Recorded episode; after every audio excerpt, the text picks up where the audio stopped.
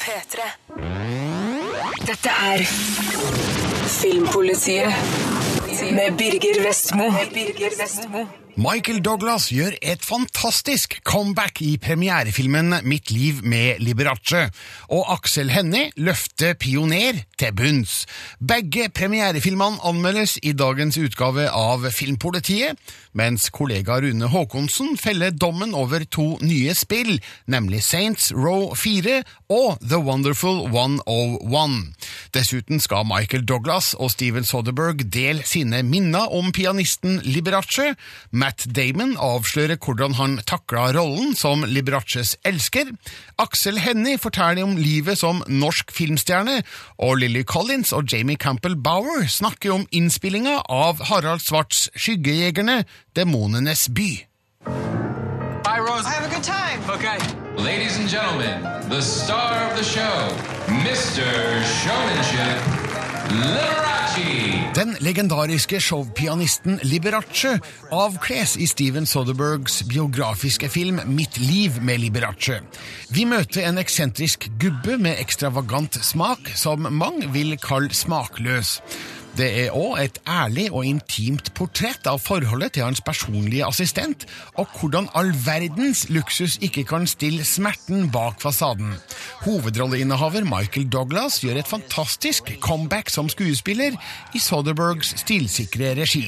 Denne filmen er god nok til å være høyaktuell når diverse prisnominasjoner skal annonseres over nyttår. Is this the kind of life you want for yourself? My eyes are open, Rose. Vår vei inn i Liberaces liv er unge Scott Thorson, spilt av Matt Damon, som blir introdusert for pianisten via en felles venn, og ender opp som Liberaces assistent og elsker. Filmen viser hvordan Thorson når inn til Liberaces innerste vesen, til tross for en vesentlig aldersforskjell. Men den gamle har ganske spesielle ønsker for sin unge kjæreste, som gjør at samlivet møter store utfordringer. I want you to make Scott look like. Can you do that? Oh, I see. Filmens første del er en svimlende oppvisning i 1970-tallsk smakløshet. Vi får en overbevisende fremstilling av Liberaces showmanship, men samtidig en fargesprakende overdose av glitter og glamour. Man kan smile overbærende, noe jeg i hvert fall gjør, men jeg forstår samtidig hvordan det her kun blender Scott Thorson og lokker han inn i Liberaces favn. Soderberg gjør heldigvis ikke narr av Liberace, men understreker hans stormannsgalskap og hvordan publikum elsker det. Det er utrolig å se Michael Douglas som Liberace, på mange måter et helt uventa karrierevalg av tøffingen fra Wall Street og Falling Down, men desto mer en åpenbaring. Han omfavner og utfyller skikkelsen uten å gjøre han til en tåpelig karikatur, som Liberace godt kun har blitt med en mindre begava skuespiller. Matt Damon er også sterk som Thorson, der vi møter han som blåøyd og naiv, men opplever en bratt personlig utvikling. Det er lett å lese i Damons gode spill hvordan det her preger Scott Thorson. This is not exactly the life that I had planned for myself. Please don't be unhappy. I can't stand it. Mitt liv med Liberace går ikke av veien for å skildre de mindre glamorøse sidene ved stjernens tilværelse. I hans siste tid opplever vi en stakkarslig mann som har forspilt sine muligheter til personlig lykke. Michael Douglas' sterke hovedrolle, støtta av Damons innsats og Steven Soderbergs stødige regi, tegner et bittersøtt bilde av legenden bak kulissene. Der er det tidvis veldig morsomt, og tidvis veldig trist. No one has ever been closer to me than this young man. Dette er Filmpolitiet på P3. Mitt liv med Liberace er et fantastisk comeback for skuespiller Michael Douglas, da han og regissør Steven Soderberg presenterte filmen under årets Cannes-festival, delte de sine minner om den legendariske pianisten, og fortalte hvordan ideen til filmen faktisk oppsto allerede under innspillinga av Traffic for 13 år siden. I uh, I just met him briefly once when I was about 12 years old, um, visiting my father, uh, who had a house in Palm Springs, California, where Lee, as his friends called him, um, also had a house. And literally, we were at a crossroads, and this car stopped. I think it was a Rolls Royce convertible, and uh, this guy. I remember it was a bright Palm Springs day, and between the gold and around his neck and his rings, the light was bouncing off of him outside. Uh, and he had a great smile, a lot of hair out of place, and now I know why. Um, and uh, it was charming. And you know, I've talked to uh, to my father, Kirk, who knew him uh, knew him well, and uh, just reiterating what Jerry said. Everybody said he was a wonderful, wonderful host. Uh, very, very generous, gracious, loved nice, uh, nice things, and was sort of the forefather to Elton John and Lady Gaga and, and some other people in terms of creating that style. Yeah, I have memories of watching him as a kid, and I remember watching my parents watch him because I, I at seven or eight years old, I didn't know quite what to make of him. He seemed uh, very enthusiastic. Um, and obviously a very uh, arresting person to look at visually because of the outfits. And I, I, just remember being fascinated by how fascinated my parents were by watching him. So it wasn't, and at that point, I really, um, until I talked to Michael on the set of Traffic about the idea of playing him, from that point to the set of Traffic, I literally don't think I ever thought of him again. Yeah, 13 years ago. In the interim, I didn't think of him at all. I don't know, it just sort of popped into my head. I thought he was messing with me. I said uh, I, I, was playing a, the drug czar in this movie Traffic, and I saw this pensive look on Steven's face, and he said, Have you ever thought about Liberace? And I said, What does that have to do with. And um, he had me a little paranoid for a moment, and I guess. Um, we teased about it, and, and he, uh, Stephen remembers. I guess I tried to do a, you know, a takeoff on "Thank you very much," and and forgot about it. And then uh, seven years later, um, I guess Stephen found this, uh, the, uh, the, outlet um, through this book, um, Behind the Candelabra, that was written by Matt's character, Scott Thornton, who was, was probably the love of Lee's life, of, of, of many. And so for me, this has an. Uh, sorry because it was right after my cancer. And uh, this beautiful gift, you know, was handed to me. And uh, I'm eternally grateful to Stephen and, and Matt and Jerry and everybody for waiting for me.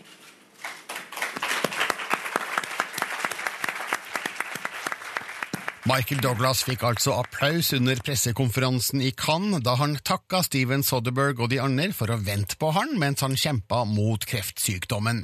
Matt Damon spiller Scott Thorson i Mitt liv med Liberace, basert på Thorsons egen bok om forholdet til den legendariske pianisten. På en pressekonferanse i Cannes fortalte Damon at han var veldig usikker på hvordan han skulle takle denne rollen, men at et smart regigrep fra Steven Soderberg gjorde det mye lettere både for han og Michael Douglas. For me, it's the seventh time I've worked with Steven. And uh, I wasn't sure. I said to him the day before we started, I, what, what is this thing?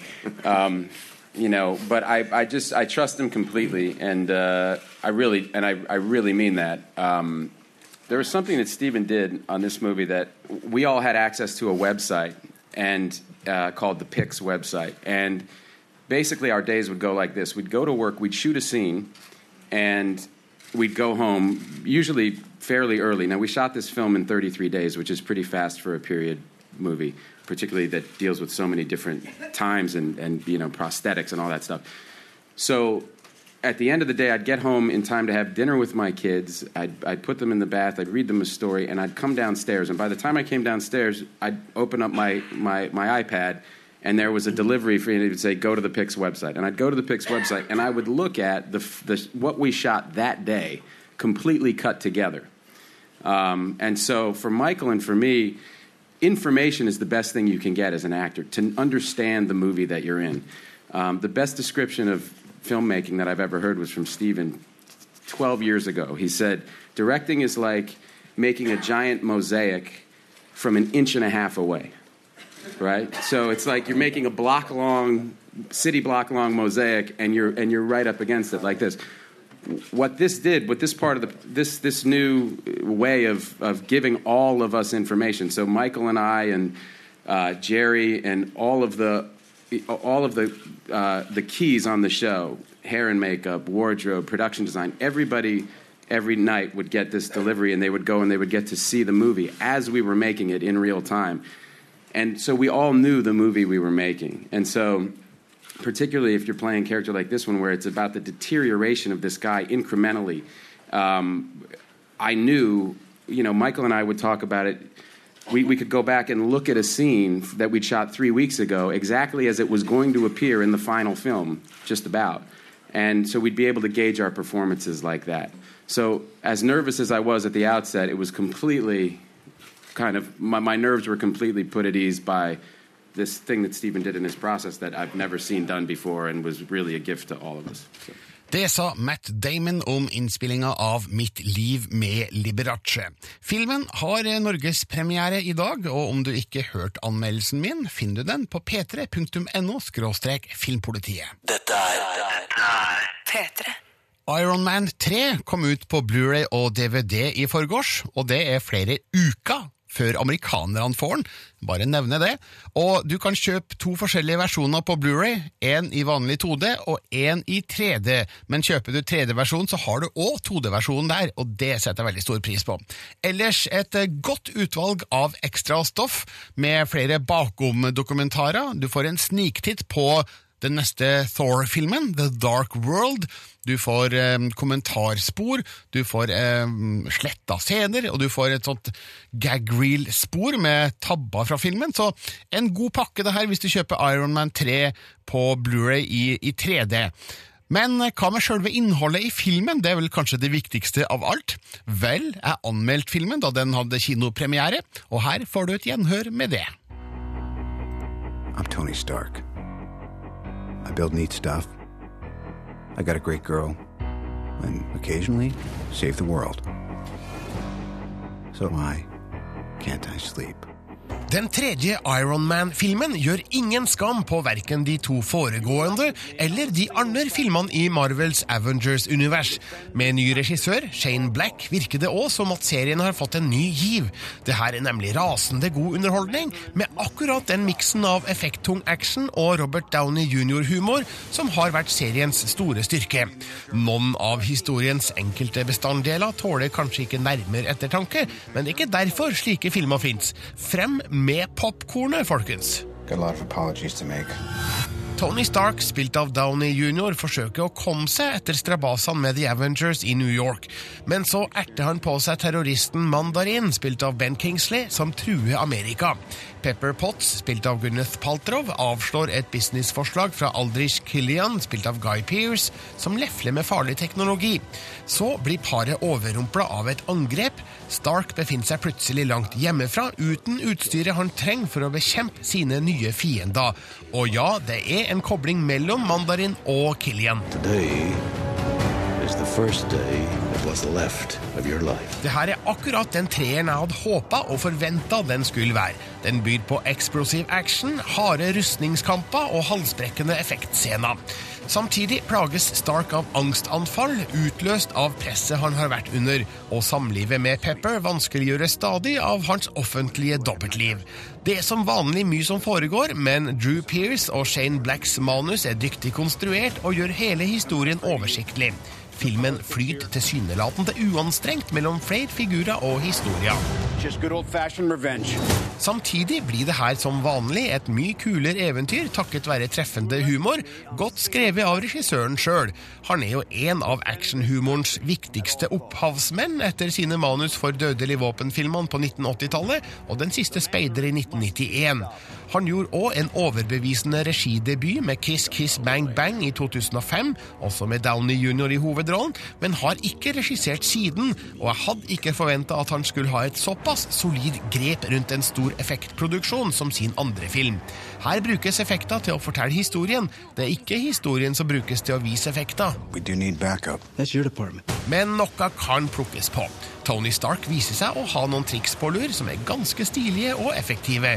Problemet er at han åpenbart kunne tatt dem i bruk når som helst. Man kan spørre seg hvorfor han ikke gjør det med en gang. Det ville gjort hele situasjonen mye enklere, men òg ført til at Iron Man 3 hadde vært en kortfilm. Og jeg kjenner at jeg egentlig ikke bryr meg fryktelig mye om slike hull i manuset. Det her er ikke en film som skal analyseres, den skal konsumeres. Og Iron Man 3 er et helstøpt eventyr som ikke skuffer. Den underholder meg stort, og jeg er imponert over at Marvel nok en gang evner å levere varer. Dette er Filmpolitiet på P3. And you better believe we're showing this motherfucker humanity isn't dead because we're still alive. It's our time now. Let's get this shit started. What's the plan? We're gonna kill a lot of aliens. I like it. Why do I have a feeling that's a big understatement? Og sånn høres det altså ut i Saints Row 4. Og er ganske harry, Rune Håkonsen. Du, det her er veldig over the top. Og jeg må faktisk ta og legge til at i juni i år så ble da Saints Row 4-spillet nekta klassifisering i Australia på grunn av, når man tar det på engelsk, interactive visual depictions of implied sexual violence which are not justified by context. Fy. Så spillet er rett og slett uh, forbudt i Australia. Og det forstår jeg veldig godt, for dette er et veldig over the top-spill som satser på å sjokkere og underholde med ekstrem humor, og ofte politisk ukorrekt og ganske nasty skal vi si, ja, humor etter hvert også. Nei, nei, nei, sier den ansvarsfulle familiefaren i meg, men så tenker jeg Det høres jo dritkult ut! Men, men, men du hata jo det forrige Saints Row-spillet og ga det Ja. terningkast to. Det var fordi at spillet, på tross av humoren som traff meg på visse punkter, det var et spill som ikke fungerte. Det klarte ikke å fortelle en historie, og det er jo et grunnleggende fundament for et fungerende spill, film, serie osv. Det som er bedre i Saints Row 4, er nok ikke humoren, for den er fortsatt på samme lave nivå. Men altså, man kan jo le av det. I hvert fall unge tenåringsgutter. Eh, Jeg har en på innsida her av meg. Eh, Jeg kan i hvert fall le av det. Eh, Men den klarer også å fortelle en historie om, som også er ganske overdreven, da. Men historien handler om at du da er sjefen for denne gjengen Saints har tatt over eh, sjefsrollen i USA, altså presidenten, med gjengen din som forskjellige cabinet ministers rundt omkring. Og så kommer romvesener og skal invadere. Og hva gjør en ansvarlig president da? Jo, han tar saken i egne hender og virkelig tømmer magasinet i maskinpistolene. Enkelt og greit. Du, det høres jo helt crazy ut. Eh, Saints Row-serien har altså utvikla seg litt uh, i ville retninger. Det er et stykke unna det første Saints Row, det her. Ja, og de, de har nok funnet sin nisje, nettopp med denne ekstreme humoren og, og, og nettopp denne ganske overdrevne Altså, de overdriver på alt, da. En av våpnene du kan få i dette spillet, er annet en boomblaster-pistol, hvor du kan rett og slett ta livet av folk med dubstep-musikk. Hæ? Og det er jo ganske morsomt i seg selv, i hvert fall med tanke på hvor mange som ikke syns at denne bassmusikken er så festlig. Men, men altså, dette er jo et spill som, som nå trekker veldig mye inspirasjon fra GTA-spillene, f.eks. Det er en åpen spillverden, en stor åpen by, hvor du får lov til å slå deg løs. Og det som er greia, er at du kan virkelig gjøre hva du vil, og du må ikke følge historien om du så mm, føler at det er en kjedelig del av spillet. Men igjen, da, uten historien så mister spillet sin mening, men det er morsomt, øh, men kanskje ikke for alle. Eh, unge tenåringsgutter, jeg vil si du som er mellom 15 og 20 akkurat nå, har nok eh, en heidundrende spilleopplevelse foran deg. Og mens eh, Saints Row 3 fikk terningkast to, så får Saints Row 4 Det blir en firer, da. Altså, jeg liker det bedre. Jeg liker det bedre. Takk skal du ha, Rune Håkonsen. Dette er Filmpolitiet på P3. I dag er det premiere på høstens kanskje største norske film, nemlig Pioner med Aksel Hennie i hovedrollen. Den åpna filmfestivalen i Haugesund for to uker siden, og da forfatta jeg følgende filmanmeldelse.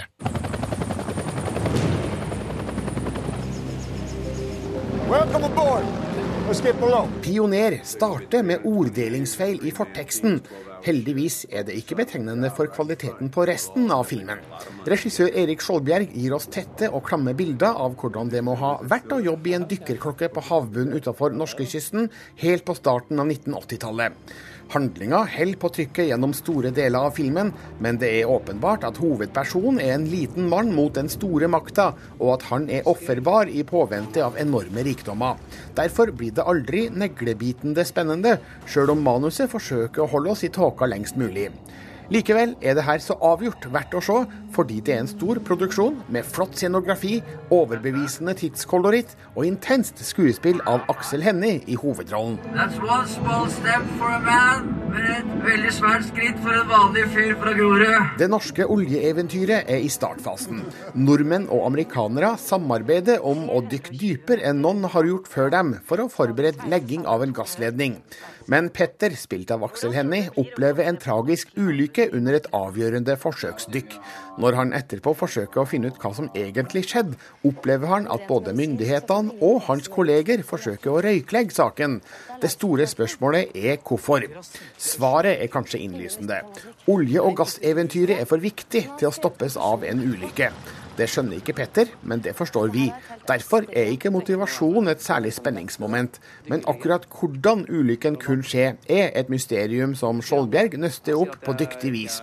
Den ene avsløringa fører oss over på den andre. Ikke alltid like spennende, men underholdende nok.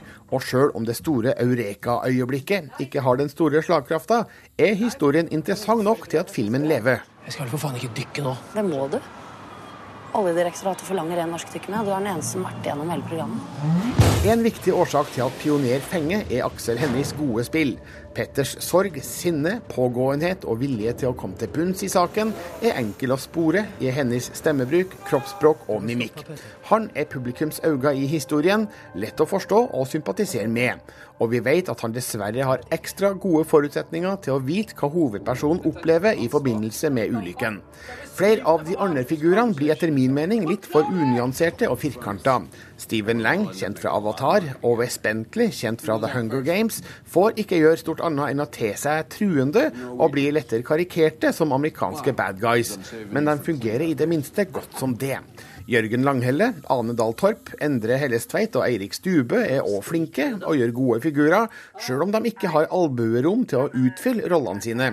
De er ubestemmelige personer man ikke helt vet hvor man har, men det er jo òg med på å holde spenningskurven oppe.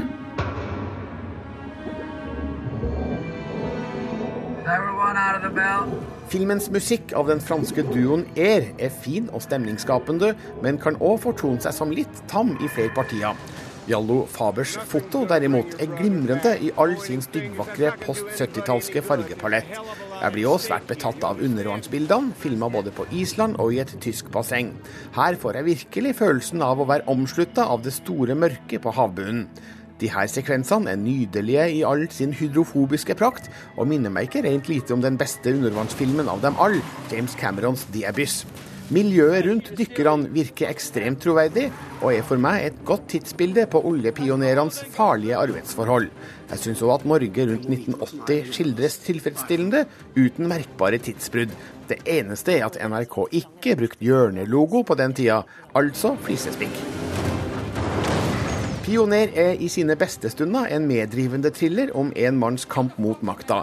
I andre øyeblikk ligner den på en gjennomsnittlig Varg Veum-film. Men denne historien fortelles mot et velgjort bakteppe, nemlig en politisk og industriell situasjon av stor betydning for Norge. Og med en sedvanlig sterk Aksel Hennie i hovedrollen og en potent Erik Skjoldbjerg bak kamera, er det her så avgjort verdt å oppleve på kino. Dette er Filmpolitiet på P3. Etter rolla i storfilmer som Max Manus og Hodejegerne kan Aksel Hennie trygt kalles Norges største filmstjerne. Nå har han hovedrollen i Erik Skjoldbergs nordsjødykkerthriller Pioner, som altså har premiere i dag. Jeg har snakka med Hennie om filmen og livet som kjendis. Altså, Stjerne og kjendis er jo to ord som jeg ikke er så glad i, Birger. Men, men uh, de to orda de kommer som en, et resultat av at jeg får lov til å jobbe og, og drive med det jeg elsker å drive med. Um, jeg føler meg ekstremt heldig, og jeg er takknemlig for at jeg får lov til å gjøre de svære produksjonene som jeg gjør. Uh, og at jeg i det hele tatt får lov til å fortsette å jobbe med, med det jeg gjør Forhåpentligvis så handler det om at folk ser en verdi i arbeidet mitt. Og hvis det er tilfellet, så er jeg glad. Men føler du deg nå litt sånn låst til å kun gjøre type store eventfilmer som Max Manus, som Hodejegerne, som Pioner? Nei, jeg gjør ikke det. Og det er jo også grunnen til at jeg f.eks. gjør 90 minutter, som jeg, hvor jeg tar, gjør filmer som enten tematisk betyr mye for meg, eller, eller er viktig for meg på andre måter. Jeg, jeg velger filmer ut fra historie, ut fra karakter og ut fra de filmene som betyr noe emosjonelt for meg, hva, jeg, hva som treffer meg. Eh, min tanke i forhold til hvilke filmer jeg velger, har alltid vært jeg ønsker å gjøre de filmene jeg ønsker å se sjøl som publikummer. Om det, om det er en film hvor jeg skal spise en bøtte popkorn, eller om det er en film jeg skal sitte og grine til og få ettertanke om, så er ikke det så viktig for meg. Det viktigste er at det nettopp har en nettopp har en, eh, en et trykk emosjonelt. da, ikke sant? Jeg er ikke så, sjanger er ikke så viktig for meg. Det eneste som er viktig, er at det er en film som jeg føler noe sterkt for. Som forhåpentligvis også da publikum føler noe sterkt for. Hvorfor ville du se Pioner? Pioner eh, var fra første stund et veldig sterkt manus. Um, men historien med at jeg har lyst til å se den, starter egentlig litt tidligere. Den starter allerede med første gang jeg så 'Insomnia' uh, av Erik Skjoldbjerg, som er kanskje det den gangen jeg sterkest har tenkt at jeg ønsket å jobbe med en regissør. Uh, Erik Skjoldberg har, en, har et veldig tydelig filmspråk for meg. Et filmspråk som prater veldig til min smak og min mitt uh, Hva skal jeg si? Mitt sjelsliv. Han er opptatt av indre liv, karakterers indre liv, på en måte som er sjelden, syns jeg. Um, han er insisterende, han er kompromissløs, uh, han følger konsepsjonene sine til 100 og Jeg har alltid hatt lyst til å jobbe med han, så når han kom med et manus, så leser jeg det manuset ekstra grundig, for å si det sånn. I tillegg så manus, skulle manuset gjøres av Friland, som jeg nettopp hadde gjort hodejegerne på. Uh, som også var et stort pluss. Men først og fremst så handla uh, Pioner om uh, en karakter som hadde en enormt sterk uh, emosjonell reise. og en, en, prosess som er en gave for en skuespiller å spille. Og den befinner seg i et enormt sexy univers med en tematikk som er viktigere enn veldig, veldig, veldig mye annet. Du har jo snakka litt om det før. Eh, figuren i, Pioner opplever jo ting du dessverre har eh, personlig erfaring med. Eh, hvordan bruker du liksom personlig erfaring inn i en rolle? Hvordan drar du med deg ting som har skjedd deg på film? For akkurat Pioner så var, har det vært veldig vanskelig å gjøre noe annet enn å gjøre det, fordi det er så mm, veldig til stede for meg. Men det er jo Yrket mitt er å være hva skal jeg si, er bevisst på min, mitt eget sjelsliv. Bevisst på mine um, svakheter og styrker og, og, forhåpentligvis manglende og tilstedeværende egenskaper. Um, akkurat i Pioner så um, er det, som du sier, dessverre veldig, veldig, veldig tett opp til mitt liv. Uh, som gjør det veldig lett på en måte å hente ut uh, tanker og følelser og, uh, og sånn. Men det er jo forhåpentligvis det jeg kan. Det er yrket mitt, det er håndverket mitt. Um, og det er sånn Altså, hvis man ikke kan hente ut fra sine egne erfaringer og sine egne um, opplevelser, så stopper man veldig fort opp i arbeidet med en rolle, tror jeg. Mm. Du er jo i produksjon nå i, på Hercules i, i Ungarn. Eh, hvordan er, følger du overgangen fra norsk filmmiljø over til en, en Hollywood-produksjon av en viss størrelse? Altså Nå er jo det eh, et helt annet system eh, enn en det jeg er vant til. Eh, også når det gjelder media. Jeg har jo 100 munnkurv, jeg får ikke lov til å si noen ting. Men det, det som er forskjellen, er at det er enormt mye større. Eh, Hercules har et budsjett på 150 millioner dollar. Som i mine ører uh, er så høyt at jeg, det er sånne summer som man ikke forstår. Jeg skjønner ikke hvor de pengene går engang. Uh, jeg er på et veldig, veldig, veldig godt sted i karrieren min.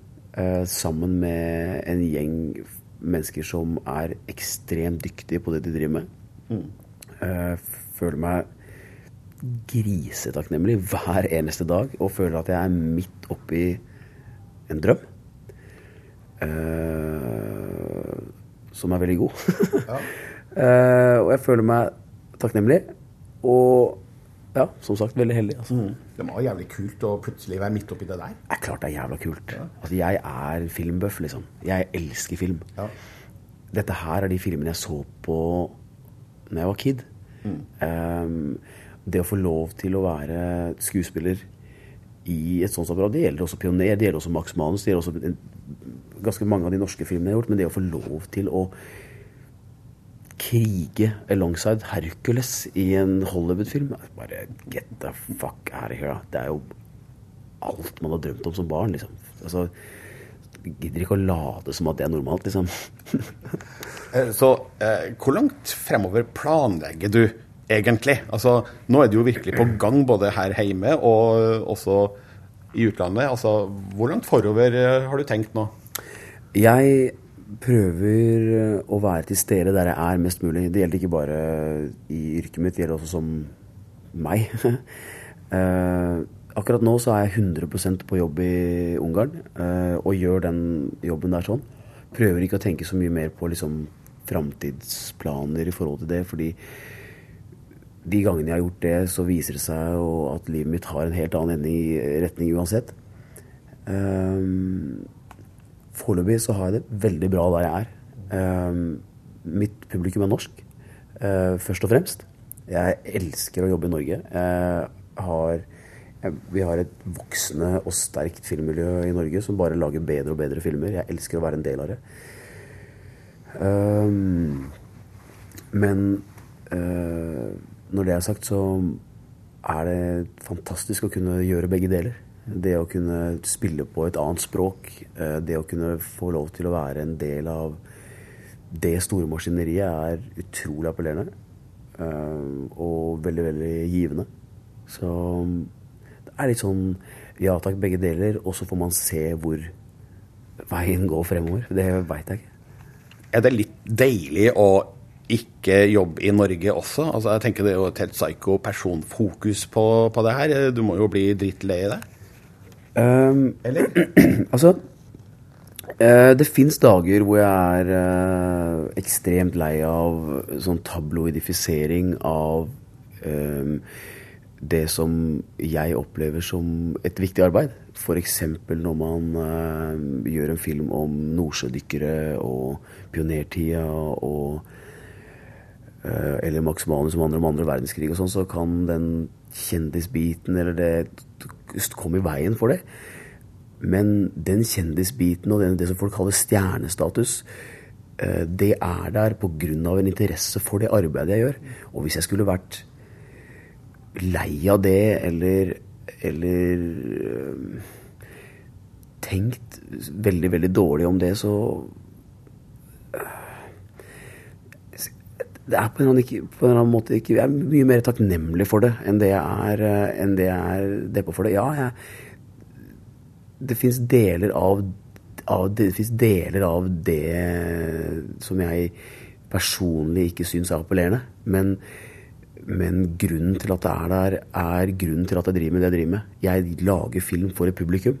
Og hvis publikum da blir interessert i meg gjennom de filmene, så er jeg bare glad for det, liksom. Du føler ikke at det kommer i veien for det du skal gjøre i yrket ditt? Det kommer aldri i veien for hvem jeg er som skuespiller. Det gjør det ikke. Det kan komme i veien for uh, hvordan man uh, lanserer en film, f.eks. Men, men uh, det toucher ikke borti hvem jeg er som håndverker og kunstner. heldigvis. Sånn som Pioner markedsføres jo nå med en uh, fancy plakat med Aksel Hennie i store bokstaver. Uh, større enn alle andre. Uh, føler du noen gang et press på deg for å, for å levere? Nei, jeg kan føle etter jeg er ferdig med filmen og tenke, at jeg kan tenke er det godt nok, det jeg har gjort. Men jeg tror at det er umulig å tenke på det ferdige produktet i opptak, f.eks. For. Fordi hvis man gjør det, så har man feil fokus. Når jeg jobber, når jeg er på sett, så tenker jeg ene og alene på situasjonene, scenene, historien. Eh, og det hjelper meg veldig i, i, arbeidet, med, i arbeidet, med, det jeg gjør. Eh, man kan ikke tenke mm, på hvordan ting skal bli mottatt mens man gjør det, fordi da kommer et sånn tredje øye utenfra som er bare til skade, tror jeg. Det sa Aksel Hennie, som eh, ikke er den eneste norske skuespilleren i Hercules. Ingrid Bolse Berdal og Tobias Santelmann er òg på rollelista. Jeg har sett dem alle i noen uferdige filmklipp, og de ser akkurat passe tøffe ut.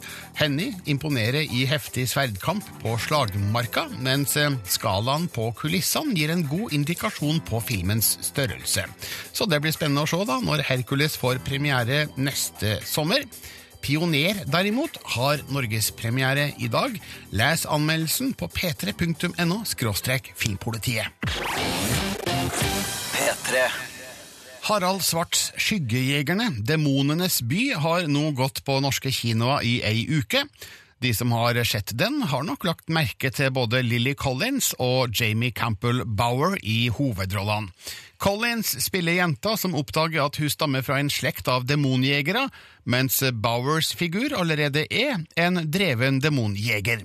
Jeg møtte dem begge da de gjesta Norge i forbindelse med festpremieren i Fredrikstad for ei uke siden, og spurte om de hadde et forhold til bokserien filmen er basert på, før innspillinga. I was a huge fan. I actually had read the first one before I found out they were making it into a movie, and I um, I felt like I knew Clary very well already. Um, so yeah, I was totally a fan. Uh, but I, I, didn't quite know how big the books were. I, am not very active on social media, so I didn't know that 22 million people had read the books like myself. I thought I discovered a new series. What about you, Jamie? Did you have Mortal Instruments on your radar?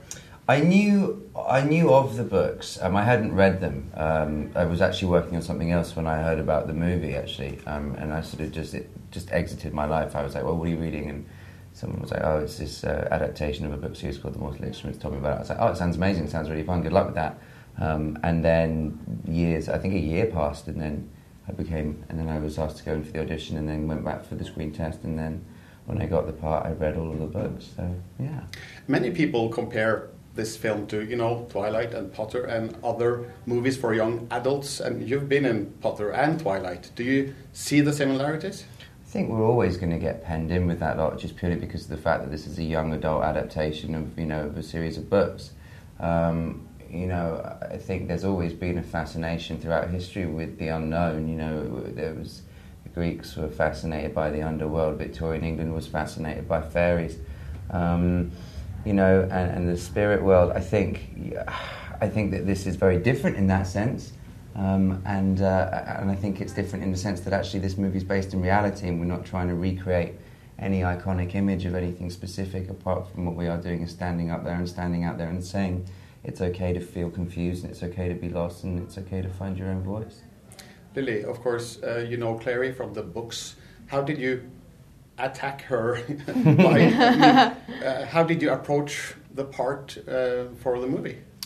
Um, pretty much how Lily would react in any situation that she's thrown into because I really think that any young girl can be Clary because the cool thing about Clary is that she is what she thinks of as a normal girl at the beginning and she's thrust into this fantasy world and she's kind of forced to just deal with it and what would any normal girl do in a situation like that? Um, finding out that she has special powers and trying to learn how to deal with them. So i didn't want to overthink anything. I didn't want the only thing i really did consider beforehand is what would happen if my mom was taken. So that was kind of what set me off emotionally. But other than that it really was just kind of like um, day to day and it was a lot of improv and interaction and collaboration with everyone. So it really i wanted to leave myself open to kind of experiencing it open-eyed like clary would. And it seems like you have had a lot of fun. You know that shines through to me as a, a viewer. Uh, like for for instance, your character Jamie, a lot of swordplay, a lot of cool stuff going on. Was it as much fun on the set? Yeah, it was very fun. It was. I mean, it was an incredibly intense shoot. Like we shot like a lot in a very short space of time for what is actually existing in the film. So in that sense, physically, it was very draining. But you know, you put a bunch of twenty-something-year-old actors together you know, we all behave like kids, and Harold is a big kid himself. Um, so we did have a lot of fun, and I think ultimately that's that's something that we've all taken away from this at the end of the day is the fact that we went there and we, we all formed such great friendships and such great bonds with each other that we come out the other side and we go, whatever happens, whatever success or lack thereof, you know, the movie has, that we've come out the other side and have something different. I have to ask, of course, like any other journalist here in Norway, about Harold. Hmm. How, how did you get on with him on set? Is he a devil or is he a saint? he's always unbelievably ready, He's as both. he likes to say. Yeah, he's like like a big kid himself, like you just said. He's amazing in that you know this isn't necessarily his genre. Um, but that's what made him perfect for the movie, I think, because he's all about character and emotion. And this story could have so easily been all about CGI and you know post production, but he wanted to make it relatable to everyone. And he's just such a lovely, kind-hearted person, and always enthusiastic. Like two or three, four in the morning when we're like drained, Mm. he's like, "Come on, let's go, let's go." He always has ideas. So you are actually looking forward to working with him one more time? Yeah. Yeah. and hopefully more after Yeah, that. hopefully we'll, more. We'll see. Yeah. It's very lucky when you get to have the same director, I think, continue on in what could be a fa- franchise because you all get to know each other so well, the first one, and he gets to know our style of acting and collaboration, and I think it's really lucky to get to have that again. Etter den første uka kan man vel slå fast at den store suksessen har uteblitt. Skyggejegerne, Demonenes by, hadde spilt inn litt over 25 millioner dollar innen onsdag, som er det nyeste tallet jeg har funnet. Med et budsjett på om lag 60 millioner dollar, samt et ukjent antall millioner i markedsføring, er det et stykke igjen til filmen når break-even. Men vi får håp for Harald Svarts del at det her går bra. P3. Regissør Arild Østin Ommundsens lille film Eventyrland har vokst eh, seg stor. Den fikk strålende mottagelse, gikk godt på kino, fikk Amanda for beste foto, kan bli Norges Oscar-kandidat og deltar eh, denne helga på filmfestivalen i Montreal i Canada. På onsdag ble den sluppet på Blu-ray og DVD, og her er kollega Andreas Hatzel Opsviks anmeldelse av filmen. Eventyrland er ei historie om vonde sirkler og kaos. Filmens åpningsscene forteller effektivt om ung kjærlighet, ungt overmot og ung dumskap. Kjæresteparet Jenny og Frank skal utføre lyssky gjerninger, og mens de venter på en tredje gjerningsmann, forklarer Jenny at hun er gravid. Meg deg og en kid. Hvorfor ikke? Plutselig ender brått det som skulle være starten på et liv i ro og fred. Alt igangsatt av en ryggsekk med ulovligheter og ei henslengt hagle. Ti år etter kommer Jenny ut fra fengselet, med ei datter hos fosterforeldre og et liv langt ifra det hun i noen timer drømte om. Jeg er mora hennes. Jeg vil ha hun hos meg. Filmskaper Arild Østin Ommundsen er kameramann, lysmann, klipper og regissør, noe som skaper ei egen stemning i det menneskelige dramaet. Filmens midtpunkt er Silje Salomonsen, som spiller si rolle både sårt og hardt. Vekslingen i historien til Ommundsen tvinger Jenny til å være både elskende mor og beskyttende kvinne. Og de to avløser hverandre ypperlig etter hvert som Jennys historie utspiller seg. Jeg har sonet min dom. Jeg har betalt for det. Kjære deg, du har ikke noe valg. Det er blandinga av nær hverdagslige irritasjonene og gledene til skuggesidas redsel og pinsle, gjennom en bråte harde kriminelle, tilsynelatende uten skrupler. Da jeg gikk ut av kinosalen, visste jeg ikke helt hva jeg mente om denne historien. Etter hvert kjente jeg det slukna håpet og den brennende iveren som den la igjen. Avtrykket inni hodet mitt som scenen hadde lagd, de tenkte merka som skarpe albuer hadde skapt i sida mi, ja. Denne filmen satte spor i meg, og jeg håper den gjør det samme for din del. Dette er Filmpolitiet på P3. Du hørte Andreas Hatzel Opsviks anmeldelse av Eventyrland, som nå altså er sluppet på Blu-ray og DVD. Da er dagens Filmpoliti over. Jeg heter Birger Vestmo. Sjekk ut anmeldelser og andre artikler samt podkasten på p3.no filmpolitiet, og ha ei god helg. Dette er Filmpolitiet med Birger Vestmo. Med Birger Vestmo. Hør flere podkaster på nrk.no podkast. P3.